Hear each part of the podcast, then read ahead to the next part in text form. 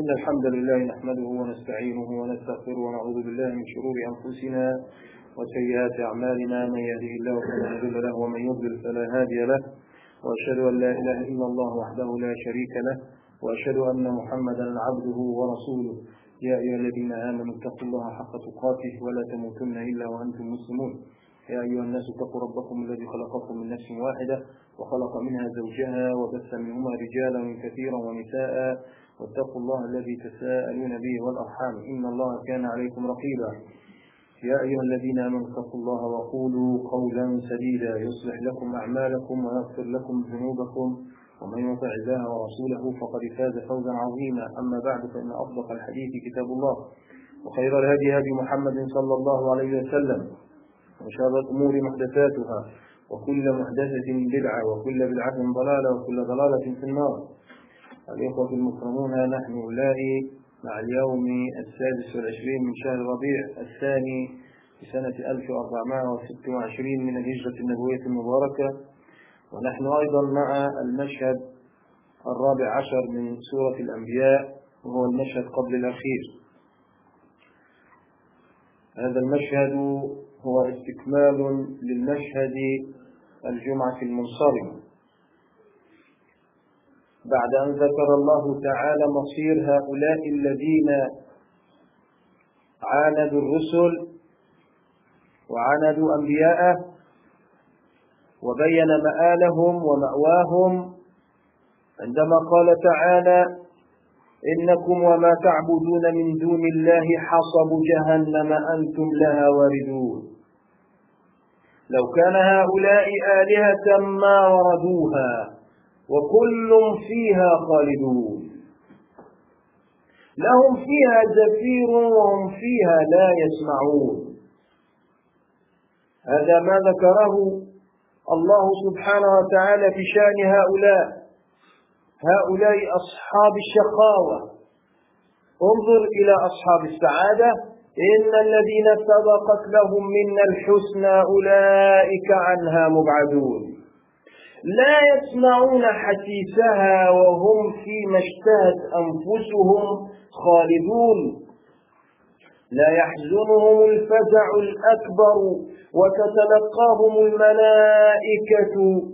هذا يومكم الذي كنتم توعدون. يوم نطوي السماء كطي السجل للكتب. كما بدأنا أول خلق نعيده وعدا علينا إنا كنا فاعلين.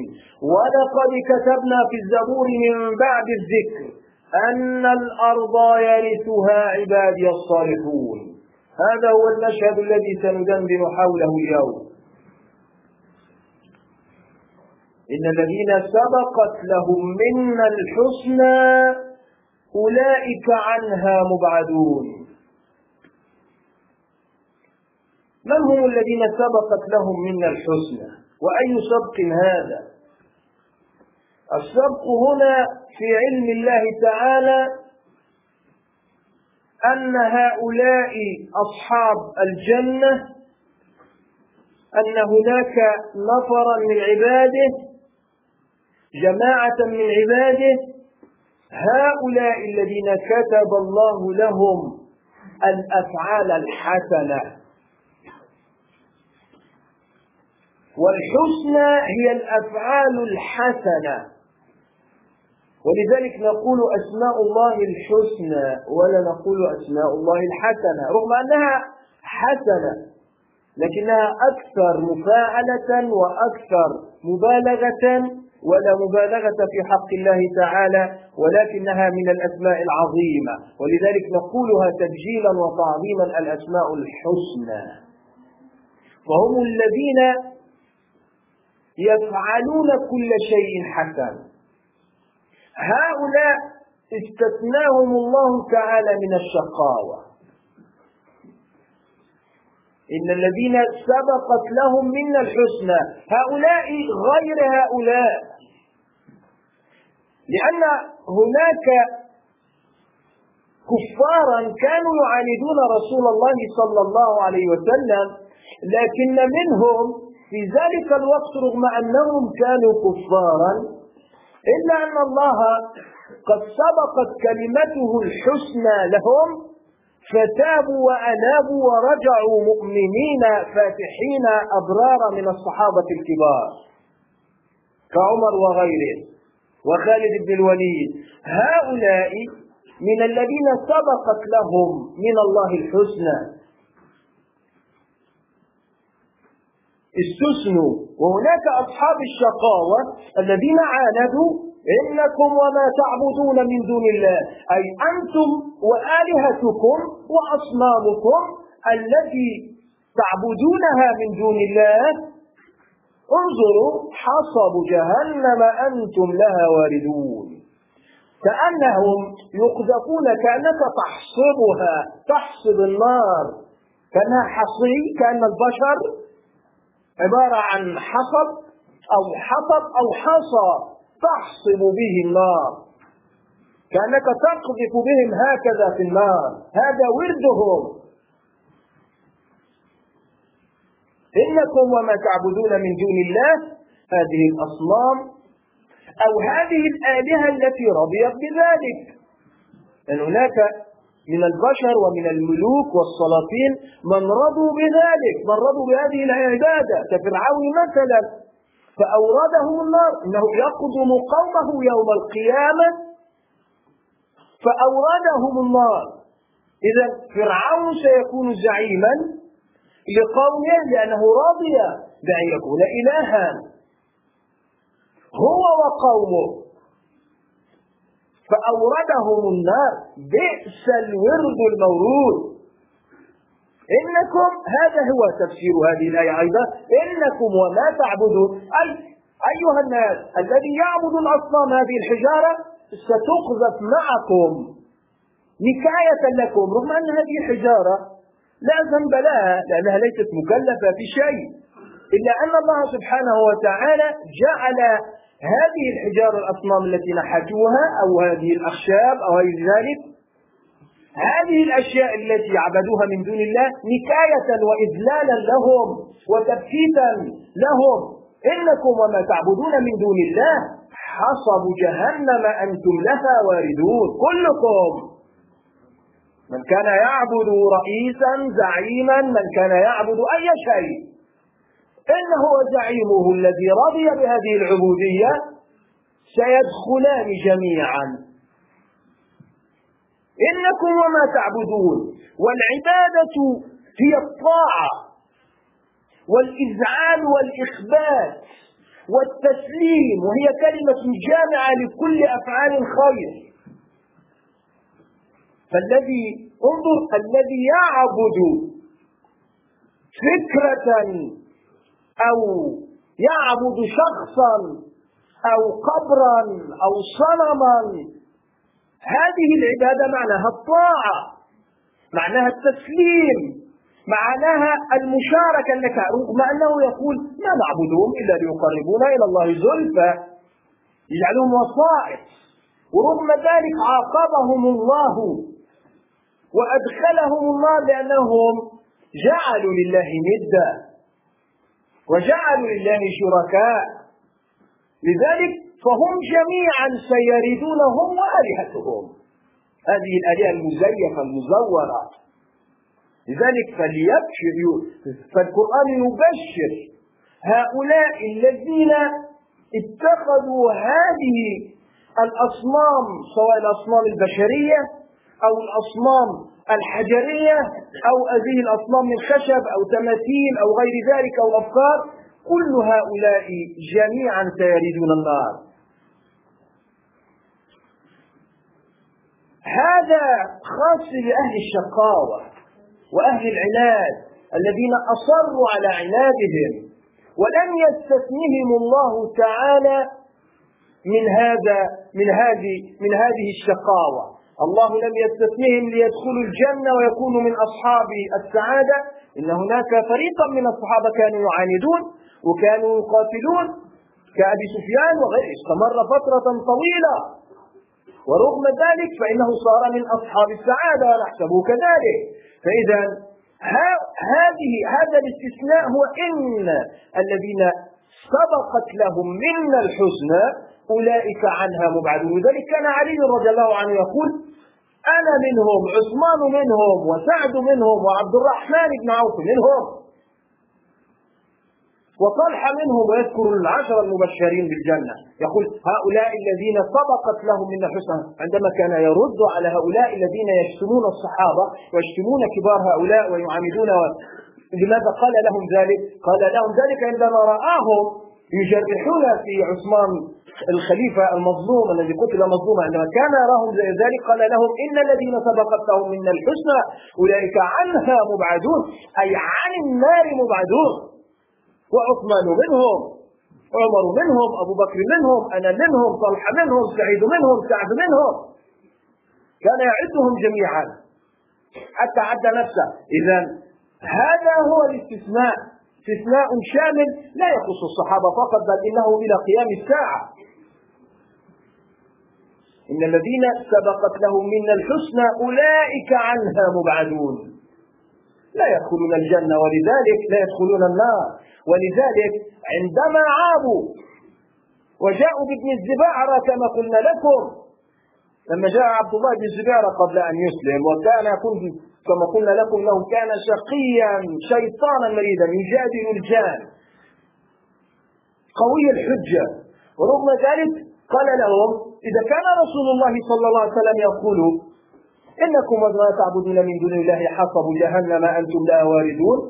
إذا فنحن نعبد الملائكة يعني يقصد قوم من قريش من من من أهل الأوثان. بعضهم كانوا يعبدون الأوثان وبعضهم كانوا يعبدون الملائكة. إذا الملائكة نحن والملائكة سندخل النار.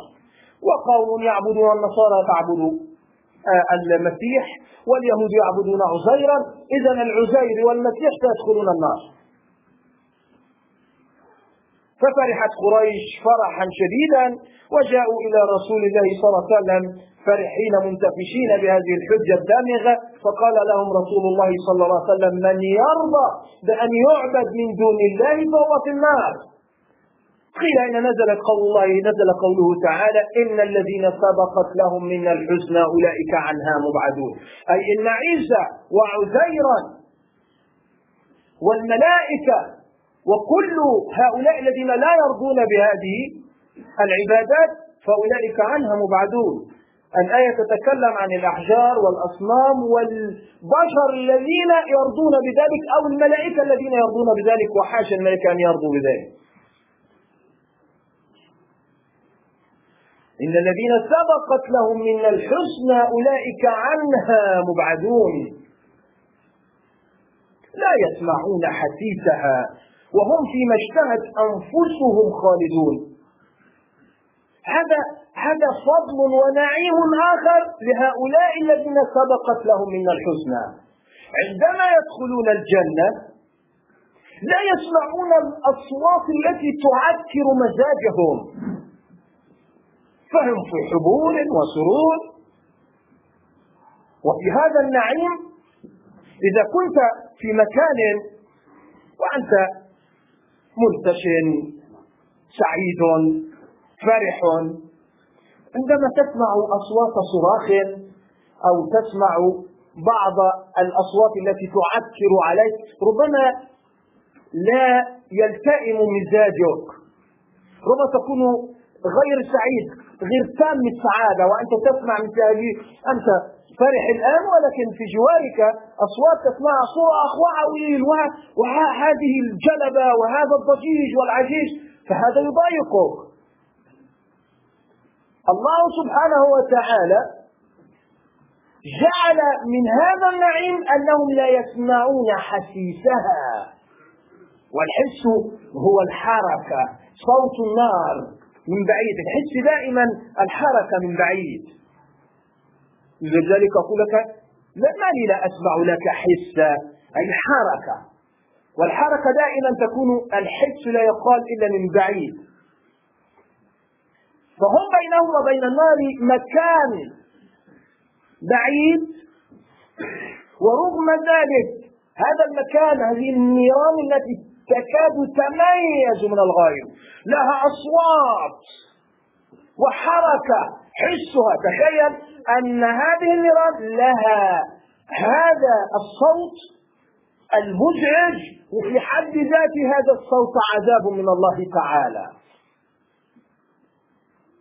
هؤلاء المنعمون الذين دخلوا الجنة لا يسمعون هذا الصوت ولا هذه الآلام. وهذا من فضل الله ومن تمام نعمته. تجد هذا ملموسا في الدنيا. وقد يقول قائل بل إن الآية التي قبل هذه الآية تقول لهم لهم فيها زفير وهم فيها لا يسمعون. هؤلاء لا يسمعون وهؤلاء لا يسمعون حديثها. يعني أهل النار لهم فيها زفير. صوت الرئتين من الداخل هذا الزفير الذي لا يستطيع أن يخرجه من الغم ومن الحسرة ومن المصائب التي تحل به. انظر وهم فيها لا يسمعون. وهم فيها لا يسمعون. هؤلاء لا يسمعون وهؤلاء لا يسمعون. أنت تقول الآن إن من نعمة الله أنهم لا يسمعون حديث النار. لكن أهل النار أيضا لا يسمعون. الله قال ذلك. وهم فيها لا يسمعون. رغم أن الله تعالى بين لنا في آيات أخرى أن هؤلاء يسمعون. انظر ماذا قال تعالى في سورة الزخرف ونادوا يا مالك ليقض علينا ربك بعد أن أصابهم ما أصابهم من هذا العذاب الشديد. كلما أرادوا أن يرتقوا من قعر النار ليوصلوا بطاقة صوتا لهم يرجعون مرة أخرى وأخيرا وصلوا أوصلوا صوتهم. قالوا يا مالك مالك في حد ذاته هو عذاب من الله تعالى من خزنة النار. قالوا يا مالك ونادوا يا مالك ليقض علينا ربك. نريد أن تنتهي هذه حلنا المشكلة يحكم علينا الله تعالى بأي شيء؟ يفنينا ننتهي من هذا العذاب.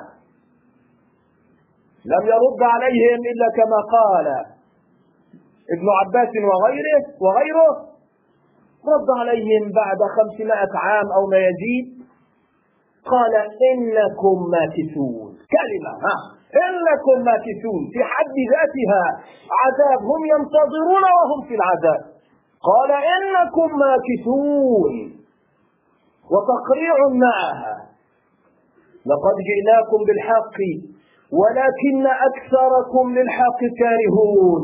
كان الناس ينتظرون على أبوابكم وعلى قصوركم ينتظرون بالأيام والسنين ولا أحد يستطيع أن يوصل بطاقة أو شكوى إليكم.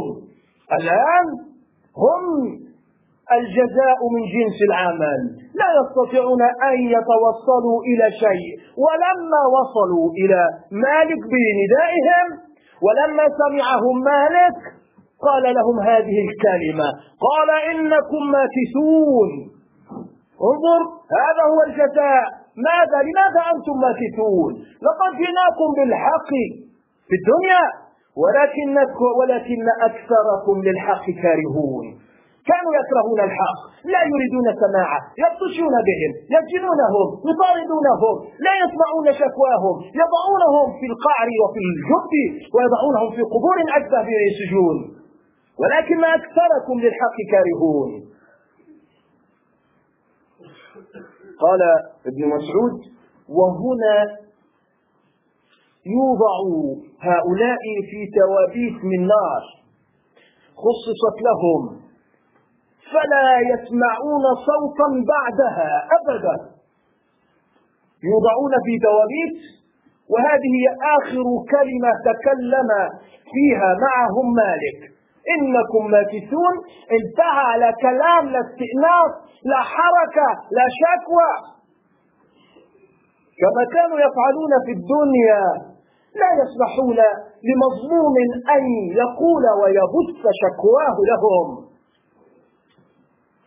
إنكم ماكثون. وهم أيضا الذين قالوا ربنا غلبت علينا شقوتنا ربنا أخرجنا منها فإن عدنا. ربنا إن كنا ضالين قوما ضالين. قال رد عليهم اخسأوا فيها ولا تكلمون. انتهى الكلام. لا يسمعون. وهذا نوع من العذاب. تخيل من أشد أنواع العذاب. وهذا محسوس في الدنيا. الناس تعرفه جميعا. عندما من ابتلي بهؤلاء الظالمين أن سجنوه انظر ماذا يفعلون يعصبونك؟ وهذه العصابة لا تسمع. إذا أرادوا أن يشعروا لك بعذاب أو شيء تسمع أصواتا وصراخا وأشياء ويجعلوا. ربما هذه الأصوات تكون إما أصوات حقيقية أو أنها أصوات مسجلة ليدخلوا في روعك الفزع وهذا في أول الأمر. وهذا في أول الأمر. عندما تدخل إليهم ضرب بصراخ رعب.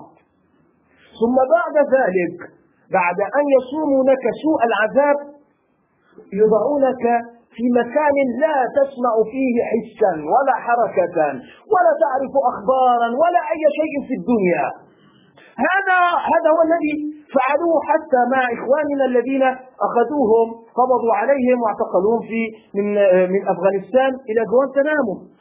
انظر هذه البدع الحمراء وهذه التقية وهذا الغطاء الشديد على الأذن وعلى الأعين.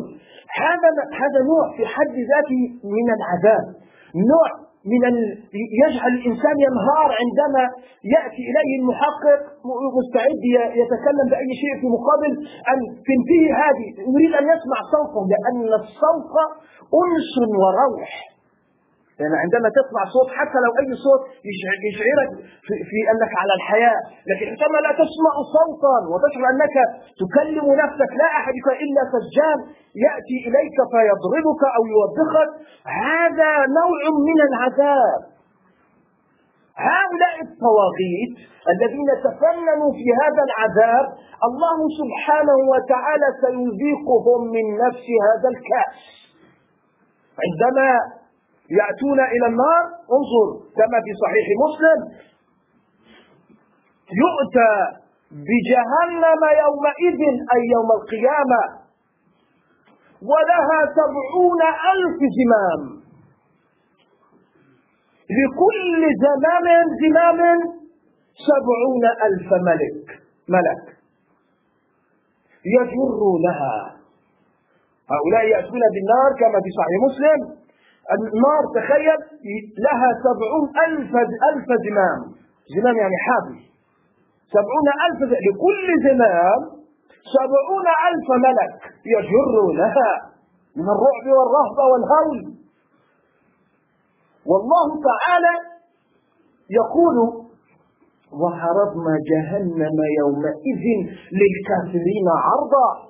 انظروا! جهنم هذه التي ستصلونها الآن هذا قبل أن يدخلوها هذا قبل أن يشاهدوها وأن يصلوا إليها.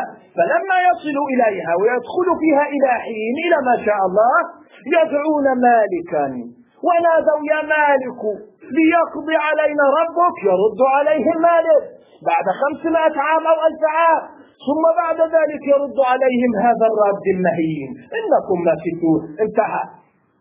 هنا لا يسمعون حسا ولا يسمعون أي حركة وهم فيها لا يسمعون. انظر هذا هو الفارق بينهم. هؤلاء لا يسمعون إذا هذا عدم السماع هنا عذاب. فوق العذاب.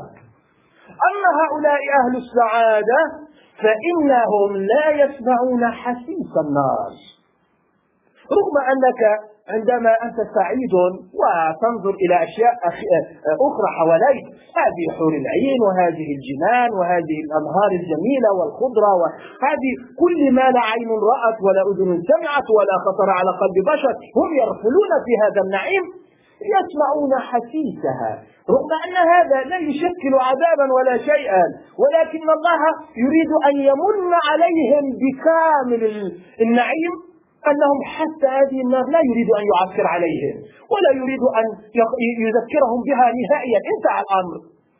وهذا ما سيحدث. سيحدث بينهم. هذا كله قبل الخلود النهائي قبل ذبح الموت. كما في صحيح مسلم. يقف ملائكة بين الجنة والنار ويأتون بكبش أملح. وهو في صورة كأنه الموت. فيقال ينادى لأهل الجهنم للنار يا أهل النار فتشرئب أعناقهم. فيقال لهم هل تعرفون ما هذا؟ فيقول نعم هذا هو الموت. وينادى على أهل الجنة يا أهل الجنة. كلهم يسمعون الآن. أهل النار وأهل الجنة. يا أهل الجنة أتعرفون هذا؟ قالوا نعم. هذا هو الموت. فيذبح الموت بين الجنة والنار. فيقال لهم يا أهل الجنة خلود بلا موت. ويا أهل النار خلود بلا موت. انتهى. فيكون هذا الكلام من أشد العذاب على أهل النار ويكون نفس هذا الكلام من أشد النعيم والبهجة والفرح على أهل الجنة. لأنه لا موت انتهى انتهى الخوف. الناس في الدنيا دائما يترقبون الموت يخشون الموت يحاولون أن يتغافلوا وهو اليقين وهو الحق وهو يرقبك حيث كنت حيث تسير في أي لحظة يأتيك فأنت خائف وجد ربما ماذا عساك أن تقول لربك إذا قبض روحك الآن. ماذا عساك؟ لكن في الجنة عندما يدخلون كلهم ينتظرون هل سنعيش الحياة السرمدية؟ هل نعيش الخلود الذي وعدنا ربنا؟ هم يعلمون ذلك ولكنهم يتمنون هذه اللحظة التي بشرهم فيها نبيهم. هذه الأحاديث التي نقرأها الآن التي ذكرها الرسول صلى الله عليه وسلم عن ماذا سيحدث في الآخرة؟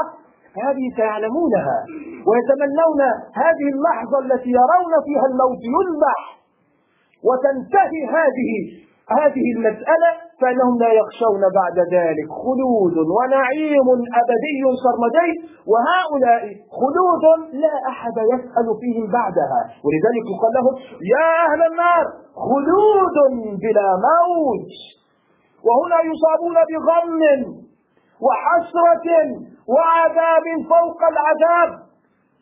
وهم فيها بعد ذلك لا يسمعون. بعد أن يوصلوا كلامهم لمالك انتهى الأمر وذبح الموت وهم فيها لا يسمعون. عبارة عن عذاب فقط لا يسمعون شيئا.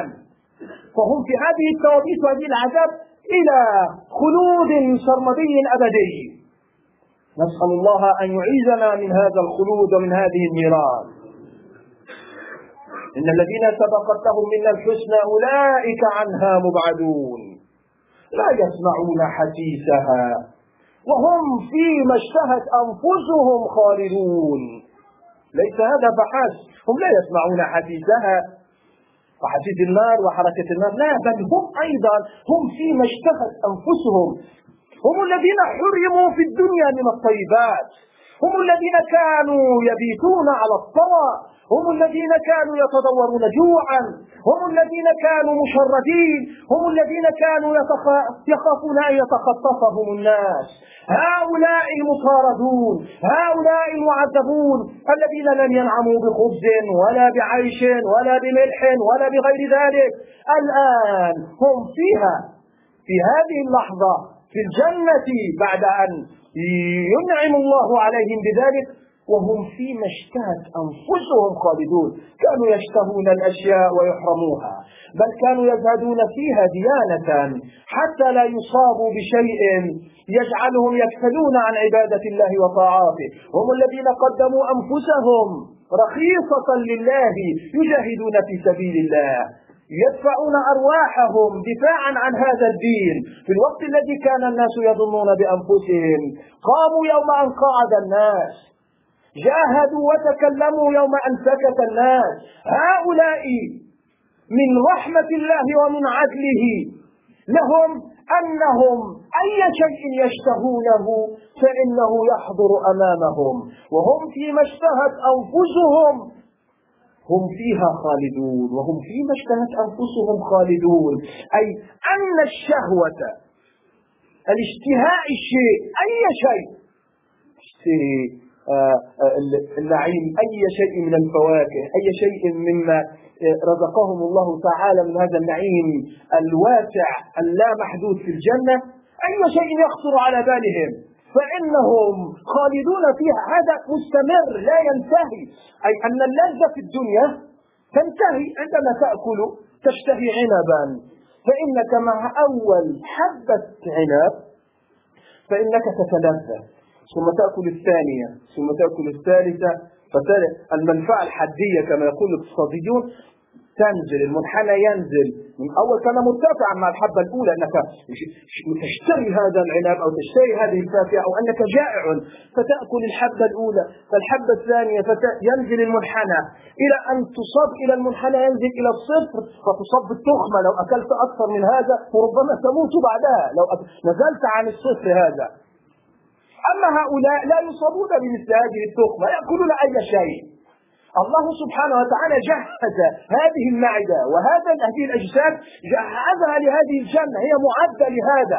تستقبل وتأكل ولا ولا يحدث مثل هذا الذي يحدث في الدنيا. إذا كان عرقهم المسك إذا كان عرقنا هذا لا نطيقه. فذلك هو عرقهم المسك إذا عرقوا وتعبوا. وهم لا يتعبون أصلا. هم الذين نزع الله من قلوبهم الغل والحسد. يدخلون الجنة خلاص انتهى القلوب هذه تغسل وتصفى. لا هذا لا يحسد. هذا لأن منزلته أعلى من هذا ولأنه يأكل هذا. لا لا لا ليس هذا. هذا الغل والحسد والصراع الذي كان في الدنيا وهذا العفن والوسخ. كل هذا يغسلون قبل أن يدخلوا الجنة. وهم فيما اشتهت أنفسهم خالدون. أي أن هذا الاشتهاء وهذه اللذة لا تنتهي. وهذا إذا قارنت بين الدنيا والآخرة انظر إلى أي لذة مهما كانت فإنها ستنتهي مع أكلة أو أخرى ثم بعد ذلك تنتهي وتتحول إلى وبال. ربما تتحول اللذة أو الشهوة إلى وبال. قد يصيب الإنسان لو أكثر منه. أما هؤلاء مهما أكثروا ومهما أكلوا ومهما اشتهوا ومهما فعلوا فإنهم خالدون. هذا لا ينتهي أبدا. هم فيها خالدون. أقول قولي هذا وأستغفر الله لي ولكم.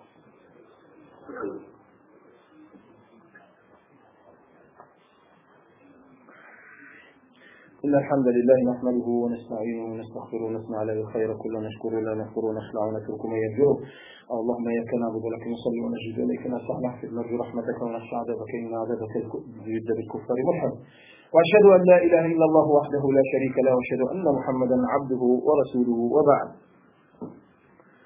لا يحزنهم الفزع الأكبر. وتتلقاهم الملائكة هذا يومكم الذي كنتم توعدون.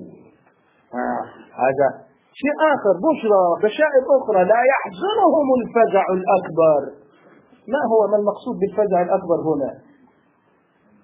قد يكون هذا الفزع الأكبر هو يوم القيامة يوم الزلزلة. وترى الناس سكارى وما هم بسكارى ولكن عذاب الله شديد. قد يكون هذا. وقد يكون كما قال بعض المفسرين أنه يوم ذبح الموت أو أنه ساعة أن يرد النار وما منكم إلا واردها. كل بني آدم كل إنسان سيرد النار أن يمر عليها. وعليها كلاليب. هناك على حسب العمل سيمر على هذا الصراط. إذا الله سبحانه وتعالى جعل من النعيم أن هؤلاء لن يحزنوا ولن يصيبهم هذا الفزع الأكبر. أو قيل إنهم يوم أن يبعثوا من القبور من قبورهم يقومون من قبورهم تأتي إليهم الملائكة. لا تحزنوا. أبشروا أنتم لن, لن, لن يحدث لكم شيء. تعالوا إلى هذه الظلمة تعالوا معنا هؤلاء أنتم الصالحون أنتم المطيعون. لا يحزنهم الفزع. أي أن الملائكة تتلقاهم تتلقاهم الملائكة. وتأخذ بيدهم إلى أن تنتهي هذه الفتنة الكبيرة يوم أن يوم العرض الكبير والشمس تكون بينها وبين الرؤوس ميل مقدار ميل. تخيل هذا. هذه الشمس تكون مقدار ميل ويكون الإنسان يصاب بهذا العرق وبالعذاب يصاب على حسب أعماله. الذي كان يعني من الصالحين ولكنه يفعل بعض الأشياء الصالحة ربما يكون العرق إلى كعبيه ومنهم من يصل إلى ركبتيه ومنهم من يصل إلى حقويه ومنهم من يصل إلى ترقوته أو إلى أذنيه يعني غارق في العذاب في هذا هذه مسألة ليست سهلة. إذا قرأت تخيل من الشمس إلى الرؤوس. هؤلاء رغم هذا الموقف العظيم فإنهم كما قال صلى الله عليه وسلم في هذه اللحظة بالذات. عندما قال للصحابة أيها الصحابة يقول لهم أيها الناس اتقوا الله إنكم ستحشرون يوم القيامة حفاة عراة غرلا. كان بعض النساء السيدة تقول حفاة عراة غرلا. يعني الغرل هو الغلف أي أنه غير مختتن يرجع الذين اللي اختتنوا في الدنيا بعد ما يموتوا يرجعوا يوم ربهم الله يردهم مرة أخرى على حالتهم. وهذا ما سنؤكده في الآية القادمة. هؤلاء لا يحزنهم هذا الفزع. عندما هذا الموقف العظيم. بل إن الملائكة تقف في الصفوف عندما بعد أن يكتب لهم النجاة ويمرون على الصراط وتتلقاهم الملائكة. هذا يومكم الذي كنتم توعدون. تخيل لو أن عظيما أو ملكا جاء إلى مكان ما في زيارة أو في استقبال ولم يرى أحدا في استقباله. سيصاب بغم ربما يرجع. أين ماذا أنا الذين يرحبون بي؟ إذا أنا ضيف ثقيل. انظر إلى النعيم أن الملائكة ترحب بهم. تتلقاهم وتتلقاهم الملائكة. هذا يومكم الذي كنتم توعدون. ها هذا الوعد الذي كان يعدكم به الله سبحانه وتعالى. إذا وفيتم وعملتم صالحا فإن لكم الجنة. هذا يومكم الذي كنتم توعدون. يصطحبونهم. مثل المضيف هكذا يدخله مكانه ويعرفه على الجنة ويدخلون على سلام عليكم طبتم. هذه تحيتهم فيها سلام. هي أمن لهم لأن هؤلاء الذين كانوا يعيشون في الدنيا لا سلام معهم. الناس لا يسالمونهم والناس يخوفونهم ولا يؤمنونهم ويطاردونهم ويقتلونهم. تأتي الملائكة لهؤلاء الذين كانوا في فزع وخوف ووجل في الدنيا. سلام عليكم. تتلقاهم الملائكة. هذا يومكم الذي كنتم توعدون. بشارة هذه. أما هؤلاء الآخر كل هذا هذه الذين يتلقون بمقارع وبمرتبات وبتوبيخ وضرب وإهانة. بل إن الله سبحانه وتعالى انظر هؤلاء يتلقون بهذا كل هذه هذا التبجيل والسرور والحبور. أما الآخرون ماذا؟ ونحشرهم يوم القيامة على وجوههم. عميا وبكما وصما. مأواهم جهنم كلما خبت زدناهم سعيرا. هؤلاء يحشرون كما في الصحيح. قال رجل يا رسول الله كيف يحشرهم ربهم على وجوههم؟ أي يمشون على وجوههم؟ وهم لهم أرجل. قال الذي خلقهم وجعلهم يمشون على أرجل. قادر على أن يجعلهم يمشون على وجوههم. ونحشرهم. انظر إلى هذه الإهانة. نحشرهم. يجمعون كأنها بالمقام. كأن هؤلاء يأتي جلاوزة وجنود. يجمعون الناس ويحشرونهم. عكس هؤلاء الذين يتلقون بالترحيب وبكل البشارة. هؤلاء يحشرون على وجوههم. انظر كأنه يسلسل ويجر على وجهه إلى جهنم. يحشرون على وجوههم صما وعميا. يحشرون على وجوههم عميا. تخيل لما يأتي إنسان أعمى الذي كان بصيرا من قبل وكان يرى حرمات الله ولا يرتجف قلبه ولا يرتدع ولا يتقي الله سبحانه وتعالى عندما يرى الحرمات هذا الذي كان يجهر بالمعاصي والأثام هذا الذي كان ينظر ويفتخر وينظر ويتمعن في الحرمات ولا ليس له حدود. في هذا النظر الله سبحانه وتعالى يأتيه يوم القيامة يجره يحشر على وجهه أعمى عميا وبكما وصما لا يسمع لا يتكلم. إهانة وتعذيب ما بعده تعذيب. هؤلاء الذين كانوا يرفلون في النعيم الدنيا هذا هو مصيرهم. يحشرون كالذر يوم القيامة تدوسهم الأقدام. مأواهم جهنم كلما خبر. أي أن النار كلما تخبر زدناهم سعيرا. تؤجج فيهم النار حتى لا تهدأ النار. خلود. ولذلك يأتي تأتي هنا وقفة مع الآية بعد هذا المصير ليعلم الناس جميعا. هذا مصير الأشقياء وهذا مصير مصير السعداء. يوم نطوي السماء كطي السجل للكتب. كما بدأنا أول خلق نعيده. وعدا علينا إنا كنا فاعلين. ولقد كتبنا في الزبور من بعد الذكر أن الأرض يرثها عبادي الصالحون. هذا هو المصير. يوم نطوي السماء كأنها صفحة كأنها كتاب كأن الرجل الذي يقرأ أو ينسخ يطبق الكتاب يطوي هذه السماوات والأرضين وكل هذا يطوى كأنه صفحة في كتاب. هكذا يطوى يوم نطوي السماء كطي السجل للكتب. السجل هذه الصحيفة. هذا يطوى هكذا. لماذا؟ فالله سبحانه وتعالى وإذا السماء ألم يقل إذا السماء كشطت. كشطت. مش كما تقشط الشيء هكذا كشط انتهى. وهذا هو هل المقصود أن السماء ستنتهي وتفنى وكل شيء يفنى؟ قال بعض بعض هذا هذا الذي سيحدث انفجار كوني نهائي. إذا النجوم انكبرت. إذا الكواكب انتصرت إذا البحار فجرت. كل شيء سيتغير. يوم نطوي السماء كالطين السجل للكتب. كما بدأنا أول خلق نعيده. يرجع إلى ما كان وهو ما قال صلى الله عليه وسلم.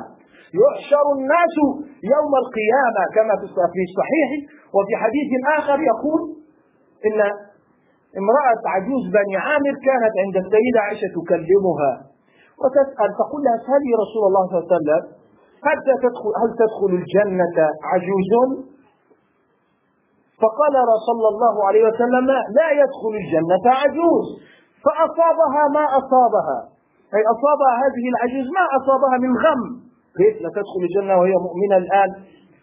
فهنا صلى الله عليه وسلم قال لها إن الله سبحانه وتعالى ينشئهن إنشاء يعني يدخلهن في شيء آخر على سن الأفكار وسن الثلاثين وهذا السن الله ولكنه قال يحشر الناس.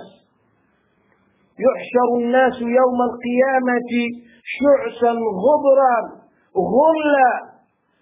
فوضعت إحدى نساء النبي صلى الله عليه وسلم كمها على وجهها حياء. يا رسول الله وأيا لا يحتشم الناس؟ يعني ينظر البعض بعض الناس إلى بعض إلى عوراتهم. قال انظر إنهم في يوم إنهم يومئذ في شغل. وقال يا عائشة إنهم يومئذ في شغل. يعني هذه المصائب والهول والشمس التي دنت من الرؤوس تجعل الإنسان كيف هذا؟ نعم. سيحشر الناس جميعا. وقيل إن أول من يخسى بحلة هو إبراهيم عليه السلام. يكفيه الله بحلة. لكن كل الناس سيحشرون هكذا في صعيد واحد. كما كان والذين اختتلوا تعود إلى هذه القلفة التي قطعت ستعود مرة أخرى كما بدأنا أول خلق نعيده. ولذلك قال تعالى في سورة إبراهيم ولا تحسبن الله مخلف وعده رسله إن الله عزيز ذو انتقام. يوم تبدل الأرض غير الأرض والسماوات وبرزوا لله الواحد القهار. وترى المجرمين يومئذ مقرنين في الأطفال سرابيلهم من قطران وتغشى وجوههم النار. ماذا سيحدث؟ ليجزي الله كل نفس ما كسبت. إن الله سريع الحساب. الذين يظنون أن الحساب بعيد إن الله يقول إن الله سريع الحساب. لا تحسبوه بعيدا بل هو قريب كما يقول ربنا. إن الله سريع الحساب. يوم نطوي السماء كطي السجن للكتب ويقول صلى الله عليه وسلم في الصحيح والسماوات مطويات بيمينه وكما في الآية. كل هذه الله سبحانه وتعالى يمسك السماوات بالسبع والأرض يمسكها ويقبض عليها بيمينه. أي أنها تطوى جميعها تفنى جميعها. قد تبدل قد تكون أرض غير الأرض وسماوات غير السماوات ولكن الله سبحانه وتعالى يجعل هذا الكون هذا الكون الذي نراه ونعيش فيه وننعم فيه يتحول إلى شيء آخر. يفنى جميعه. كلهم يأتي يأتينا إلى الله سبحانه وتعالى. وكلهم آتيه يوم القيامة فردا.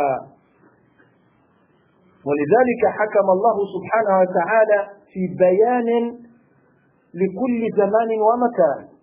هذا البيان مسطور في الزبور. ولقد كتبنا في الزبور من بعد الذكر أن الأرض يرثها عبادي الصالحون. هل الزبور هو زبور؟ كما قالوا في المشهور؟ هو زبور سيدنا داود عليه السلام. ولكن هناك رأي يقول الزبور هو كل هذه الكتب. لأن الزبور معناه القطعة من من الجزء من اللوح المحفوظ. أو قيل إنه هذا الذكر هو اللوح المحفوظ. وهذا الزبور أي تذكير كل كتاب يأتي به نبي يذكر بهذا. أو أنه أن الذكر هو هذه تشريعات موسى وجاء داود من بعده فذكر الله وأعاد أن الأرض يرثها عبادي الصالحون. هذا هو قد يكون هو المقصود. ولقد كتبنا في الزبور من بعد الذكر أن الأرض يرثها عبادي الصالحون. هذا هذا هذا القانون العام لكل إنسان عاقل أن هذا الميراث ميراث الأرض لعباده الصالحين. ولذلك قالوا إن المقصود هنا هم صحابة رسول الله صلى الله عليه وسلم ومن سار على نهجهم.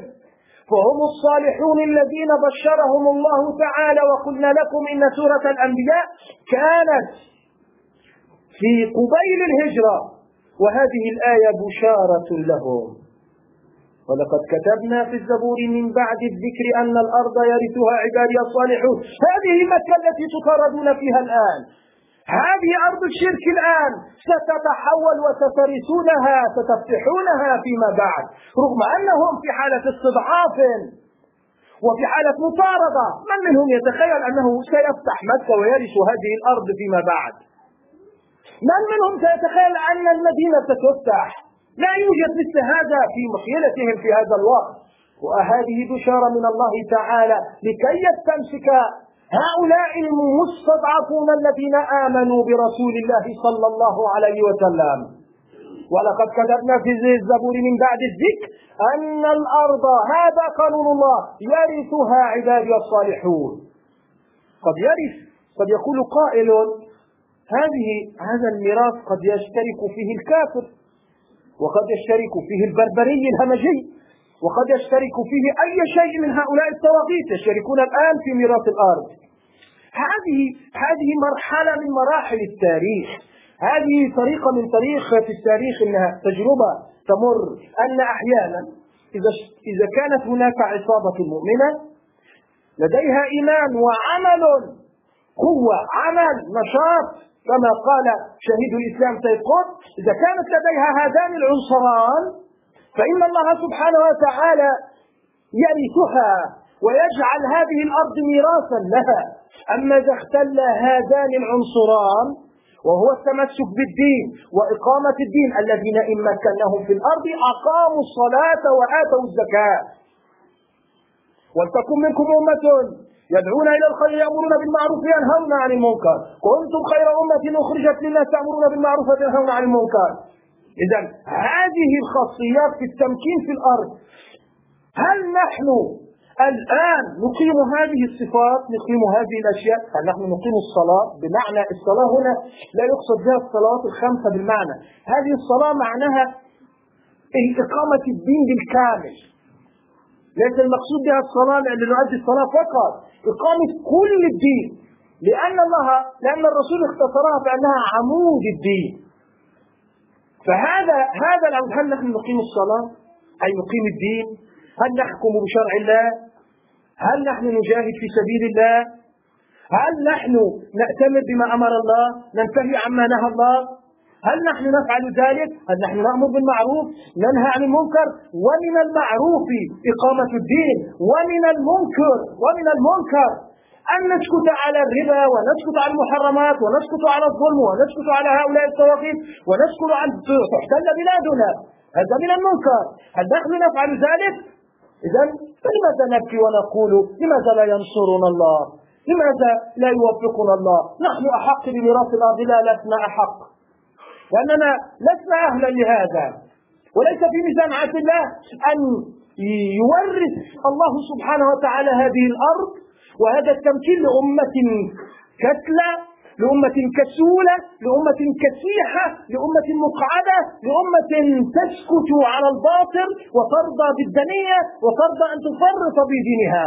هذا في ميزان عدل الله. لا. وألف لا. هؤلاء الذين يستحقون الميراث هم صحابة رسول الله صلى الله عليه وسلم الذين فعلا عندما مكنهم الله في الأرض ماذا فعلوا؟ أقاموا الصلاة ونشروا الجهاد ونشروا النور وأمروا بالمعروف ونهوا عن المنكر وفتحوا الدنيا ورثهم الله الأرض. انظروا ورثهم فعلا الأرض.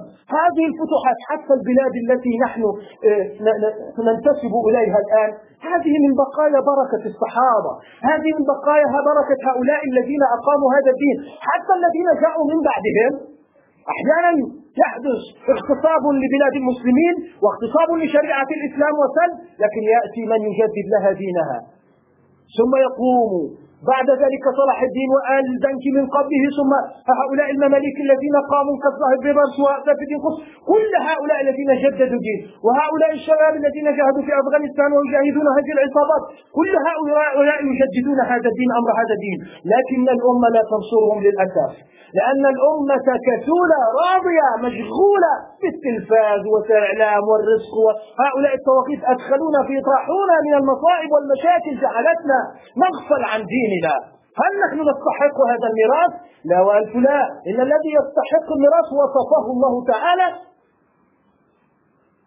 بأنه صالح. بل إن الله قال عبادي الصالحون. إن الأرض لله يورثها لعباده الصالحين. فالله سبحانه وتعالى جعله عبد والعبد هو الذي مطيع مخبت يقيم الدين ويقف عند حدود الشريعة كما قال بعض المفسرين يقف عند هذه صفة العبد. أما نحن فهل نحن نقف عند حدود الشريعة؟ وهل نحن نقيم هذا الدين لكي ينعم علينا الله سبحانه وتعالى بميراث هذه الأرض وأن نطرد الصواغيط وأن, وأن ننعم بهذا الاستقرار في الدنيا والآخرة؟ والله لو طبقنا ذلك لانطبق علينا هذا القول. ولقد كتبنا في الزبور من بعد الذكر أن الأرض يرثها عبادي الصالحون. نسأل الله العظيم رب العرش العظيم أن نكون منهم. نرفع وكف الذراع لعل الله العظيم رب العرش العظيم أن يتغمدنا برحمته وأن يرحمنا. اللهم إنا عبيدك وأبناؤنائك نواصينا بيدك ماضي فينا حكمك عدل فينا قضاؤك نسألك بكل اسم هو لك أنزلته في كتابك. أو علمته أحدا من خلقك أو استأثرت به في علم الغيب. عندك أن تجعل القرآن العظيم ربيع قلوبنا. وجلاء همنا وذهاب غمنا وحزننا.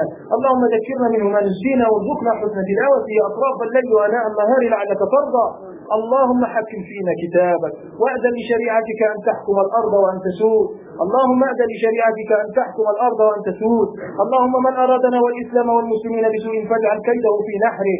اللهم انصر إخواننا المستضعفين في كل مكان في أفغانستان وفي الشيشان وفي العراق وفي الفلبين وفي تايلاند وفي فلسطين وفي كل مكان يذكر فيها اسمك يا رب العالمين. اللهم انصر إخواننا المستضعفين في كل مكان. فك أسرهم تولى أمرهم أحسن خلاصهم. ثبت رميهم اللهم آلف بين قلوبهم. اللهم آلف بين قلوبهم يا رب العالمين. اللهم لا تشمت بنا ولا بهم الأعداء. اللهم آمين اللهم آمين وأقم الصلاة.